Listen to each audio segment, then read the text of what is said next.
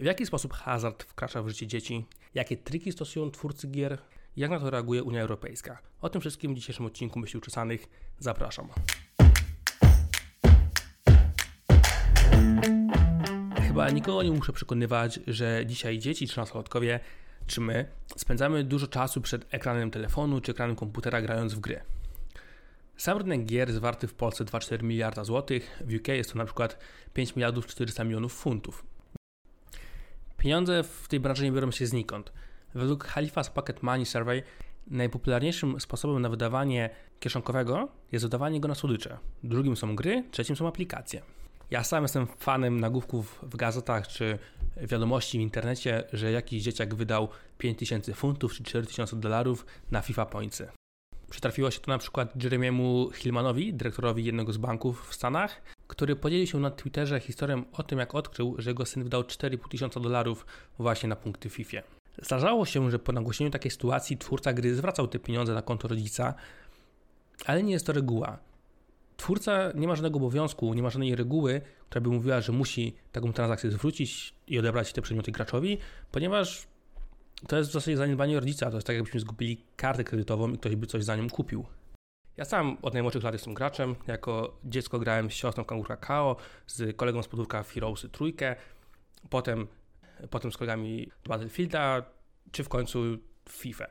Choć dzięki temu, że w okresie dojrzewania miałem w domu bardzo słaby internet, ominęła mnie faza, kiedy moi koledzy wysłali SMS-y, żeby kupić nową skórkę w LoLu. Ominęła mnie faza grania w tego LoLa.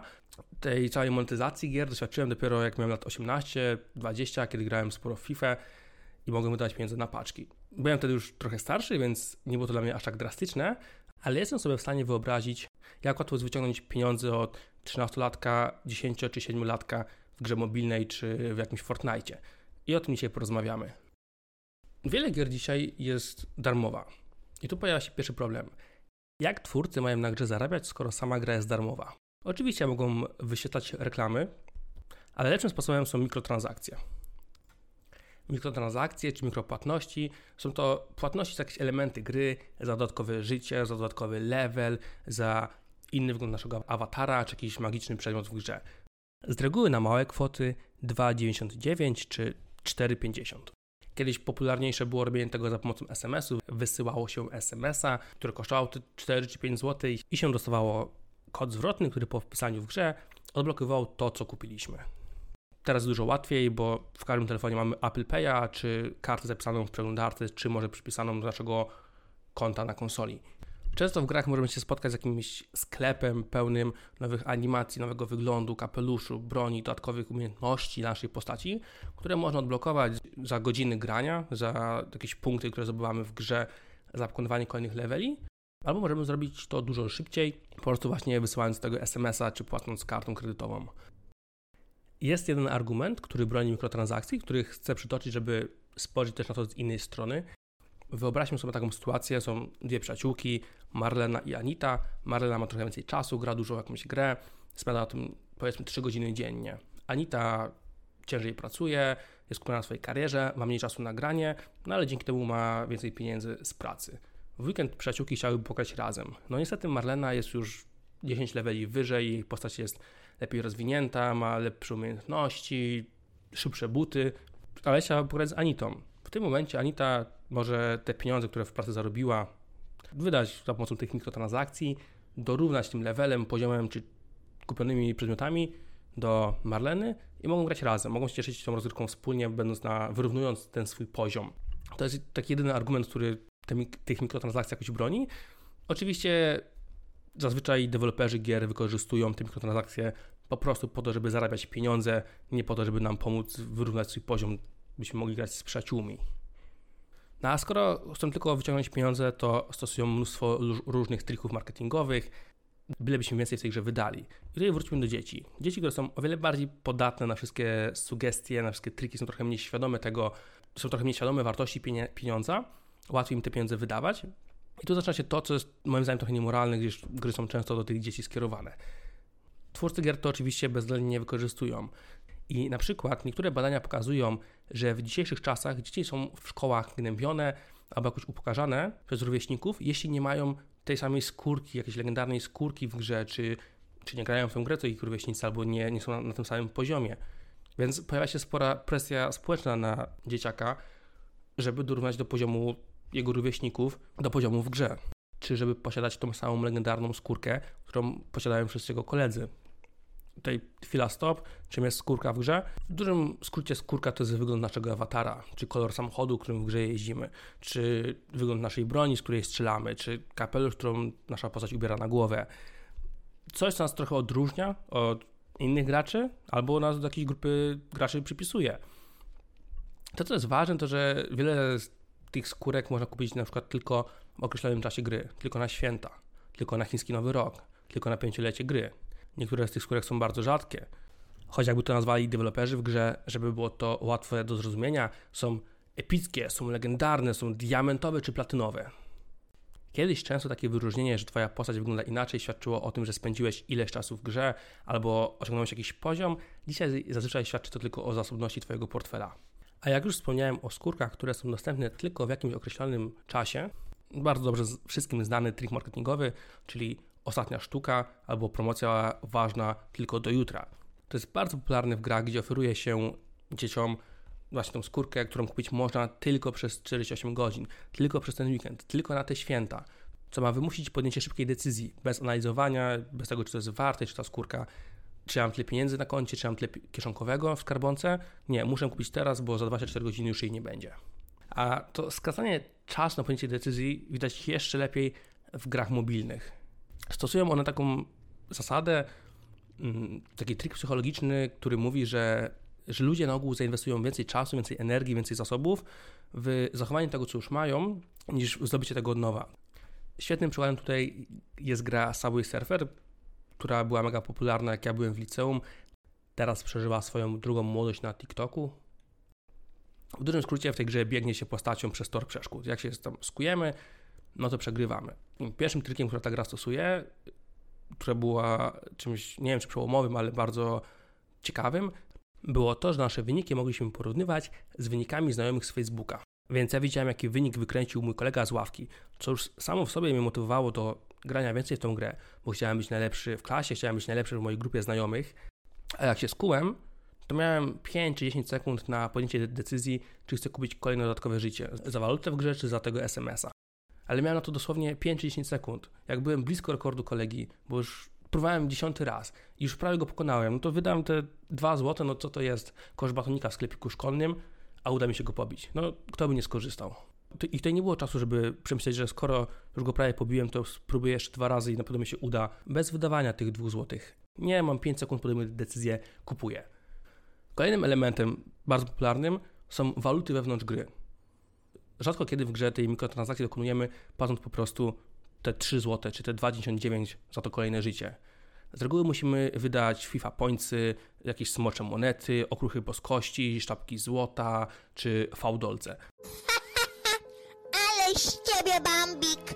Nie masz fałdolców! Nie wyzywajcie, że jestem bambikiem. Po prostu nie mam fałdolców. Czasami w grach mamy dwie różne waluty. Jedną, którą możemy zdobyć za wykonywanie zadań w grze, i drugą, za którą już musimy zapłacić złotówkami, euro czy dolarami. I dzięki dodaniu tej dziwnej waluty w grze, tych smoczych monet, dodajemy dodatkową warstwę. Kiedy wydając je, nie czujemy, jakbyśmy wydawali prawdziwe pieniądze, bo oczywiście nikt nie lubi pieniędzy wydawać. Nie wydajemy 3 zł, wydajemy 157 smoczych monet.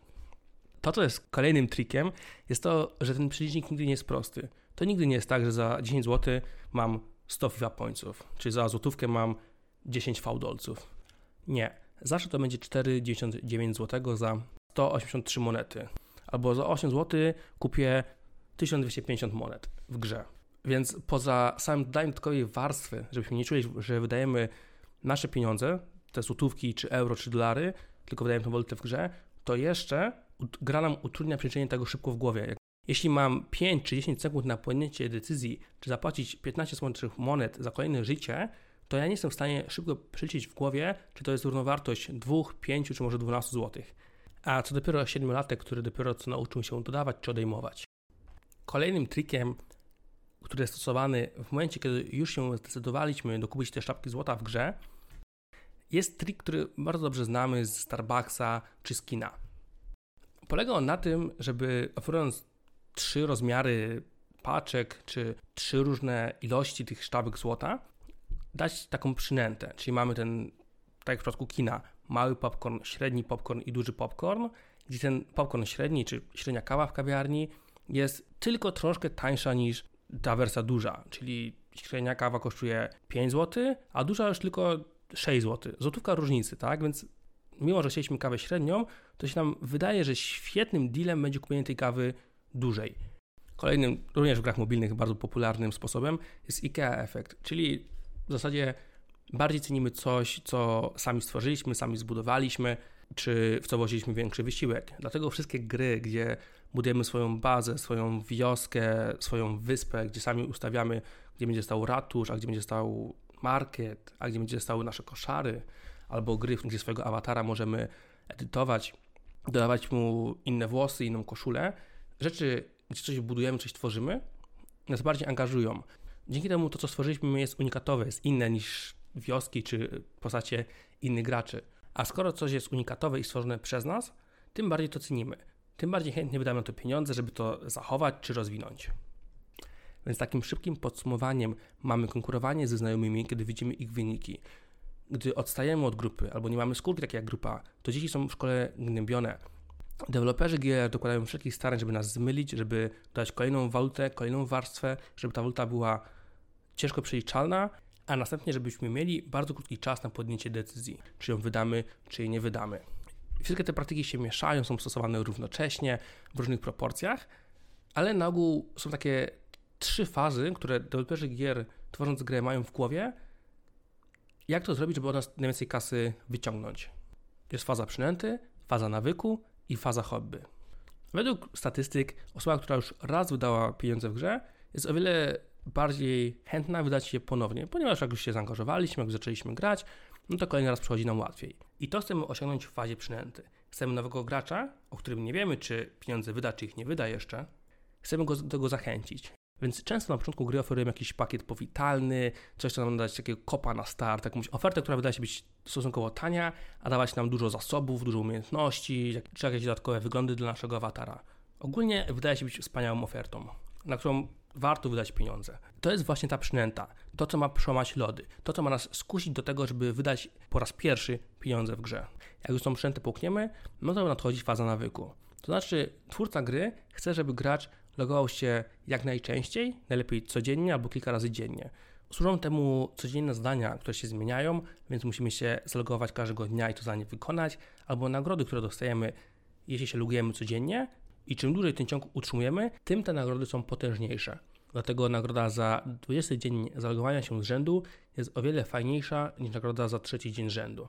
No ale jak zapomnimy się któregoś dnia zalogować, no to cóż, musimy zaczynać od zera. Bardzo fajnym przykładem jest Duolingo, aplikacja do nauki języków obcych. To jest zwykły licznik, który liczy, który to jest nasz dzień z rzędu, kiedy odbyliśmy lekcję języka obcego. Jak już mamy tych dni 60, 70, no to jest nam bardzo szkoda to stracić. Bardzo byśmy chcieli, bardzo byśmy, bardzo byśmy chcieli kontynuować, tylko dla samego fanu, że ten licznik rośnie i może być większy niż licznik kolegi. Tutaj to tworzenie nawyku jest wykorzystywane do czegoś dobrego, czyli no, do nauki języka obcego, ale tak samo to będzie działało z grą mobilną. No i ostatnią fazą już jest faza hobby, gdzie już mamy graczy, którzy już wydali pieniądze w grze, którzy już mają wszystko na najwyższych poziomach, mają wszystkie najlepsze w grze przedmioty, a wciąż grają. Jak wtedy możemy od nich jeszcze wyciągnąć więcej pieniędzy? Więc mamy w grach mechanizmy, które niezależnie od poziomu gracza, nawet ten poziom jest maksymalny, wymagają odczekania jakiegoś okresu. To znaczy, na przykład stworzenie armii w jakichś plemionach wymaga 24 godzin. Nieważne, że już wydałem dużo pieniędzy, nieważne, że już mam maksymalny level, co by się nie działo, muszę ten czas odczekać, żeby stworzyć nową armię, żeby zatkać przeciwnika. No i wtedy możemy sprzedawać wszystkie przedmioty, które przyspieszą progres. Twoja armia stworzy się w dwie godziny, zaatakujesz przeciwnika wcześniej, wygrasz coś, co pewnie też się zmusi do dalszej rozgrywki. I po powiedzeniu o tych wszystkich trikach mogę przejść w końcu do sedna sprawy. Możemy przejść do czegoś, co zaniepokoiło Unię Europejską i do czegoś, przez co ja osobiście przestałem grać w FIFA Online kilka lat temu. Do lootboxów, do paczek, do skrzynek, czyli w zasadzie do loterii, do hazardu, który został wbudowany w wiele gier. Spróbuję wytłumaczyć to najlepiej jak potrafię. Cały pomysł opiera się na tym, że gracz kupuje jakąś skrzynkę czy jakąś paczkę w grze i nie wie jaka jest jej zawartość. Musi ją otworzyć. Otwieraniu towarzyszy jakaś fajna animacja, muzyka, fanfary. Otwieramy. Co to będzie? Może jakaś legendarna skórka, super przedmiot, unikatowy karabin, dodatkowe życie, a może jakiś przedmiot, który już mam, jest totalnie bezwartościowy. Nie mam pojęcia. Jak się można domyślić, szansa na zdobycie przedmiotu bezwartościowego jest na poziomie 95%, na przedmiotu, który jest no, jako taki 4,5%, a tą jedną legendarną skórkę, czy ten jeden legendarny przedmiot, który można zdobyć tylko w tych paczkach wydanych na nowy rok, zdobędzie 0,5%, albo jeszcze częściej setna część procenta. Więc otwieram tą paczkę i zdobyłam przedmiot, który jest bezwartościowy, który już posiadam. No cóż, nie udało się tym razem, ale za kolejne 152 pointów czy 40 złotych monet mogę otworzyć kolejną paczkę i spróbować jeszcze raz i znowu rozczarowanie. Ale może uda się kolejnym razem i kolejnym i kolejnym. Niektóre gry nawet posłuchają się do tego, że zamiast otwierania jakiejś jednej skrzynki trzeba kupić i skrzynkę i klucz, albo kupić skrzynkę, a klucz w grę zdobyć, żeby to otworzyć. To ma rozbić te koszty na dwie czy trzy transakcje, no bo jak widzimy skrzynkę za 40 zł, już po przeliczeniu z tych punktów w grze, no to nie no, 40 zł to trochę dużo. Ale kupimy skrzynkę za 15, a za dwa dni kupimy klucz za kolejne 15, a potem jeszcze kupimy zawiasy do skrzynki za kolejne 15 zł, no to się jakoś tak rozkłada trochę przyjemniej, możemy to już wydać. Kolejnym punktem są tutaj oprawy graficzne w trakcie otwierania tych skrzynek, które mają nas ekscytować, mają być wspaniałe, zmienia się muzyka w grze. I jasne, może to jest po prostu element wizualny, ale często deweloperzy robią to po to, żeby u dzieci, czy nawet u nas, u dorosłych, spowodować ekscytację i wyrzut dopaminy do mózgu. Żeby nasz mózg utożsamiał otwieranie tych skrzynek z czymś fajnym, z czymś przyjemnym, żebyśmy chcieli zrobić to ponownie i ponownie. No i może się zdawać, no dobra, otwieranie skrzynek, jakaś nagroda w grze, co w tym złego? No, szkodliwość tych lootboxów potwierdziły m.in. badania brytyjskiego Gambling Health Alliance, który przedstawił raport, według którego co czwarte dziecko do 16 roku życia wydaje pieniądze na lootboxy, a około 15% z tych dzieci przyznało się do kradzieży pieniędzy rodzicom, by kupić taką skrzynkę w grze. Jeśli macie skojarzenia z jednorokiem bandytą, że ciągniemy za wajchę, czy otwieramy skrzynkę, nie wiemy co będzie, ale mamy promil szansy, że będzie tam coś wspaniałego, jakaś nagroda, czasem, którą nawet potem możemy spieniężyć w jakiś sposób, bo ją sprzedamy na Allegro, czy konto z tą skórką sprzedamy na Allegro, to dokładnie tak to działa. Dokładnie to działa tak, jak jednoręki bandyta. I zaniepokoiło to Unię Europejską. A zaczęło się od Belgijskiej Komisji do Spraw Gier. W 2018 roku komisja ta stwierdziła, że lootboxy to hazard i ich zakazała. W Belgii oczywiście. Gracze i badacze wykazali, że jest to trochę martwy przepis, bo ponad 80% gier mobilnych e, na terenie Belgii dostępnych wciąż e, te lootboxy posiada albo ktoś ten zakaz obchodzi. Ale był to pierwszy krok, taki sygnał ostrzegawczy. Kolejnymi zmianami, które wprowadziła Unia Europejska, było to, że twórcy gier musieli udostępniać informacje, jaką mamy szansę na zdobycie tego przedmiotu. No i wtedy to, co wielu graczy podejrzewało, wyszło na jaw, że te szanse na zdobycie tej legendarnej skórki, czy kolejnego wspaniałego piłkarza w FIFA są na poziomie setnych części procenta. Ale działa to mniej więcej tak, jak działa napis palenie zabija na parce papierosów. Mało ludzi to zniechęciło. Więc kolejnym krokiem w styczniu tego roku Parlament Europejski przegłosował przyjęcie sprawozdania wzywającego Komisję Europejską do zajęcia się kilkoma aspektami, w tym właśnie tymi lootboxami w grach wideo, by chronić graczy z naciskiem na osoby małoletnie. Mam więc wielką nadzieję, że niedługo skończy się przenikanie brudnego marketingu czy trików wziętych rodem z kasyn do gier, które są kierowane do 9-latków. To były myśli uczesane. Dziękuję za dzisiaj. Na razie. Jeśli podobał Ci się ten odcinek Myśli Uczesanych, masz ścieżkę uzależnioną od Candy Crush albo Bartanka, który przepuszcza pieniądze z kieszonkowego na Fortnite'a, wyślij im link, zaobserwuj mnie na Instagramie albo ocen na Spotify'u. Dzięki.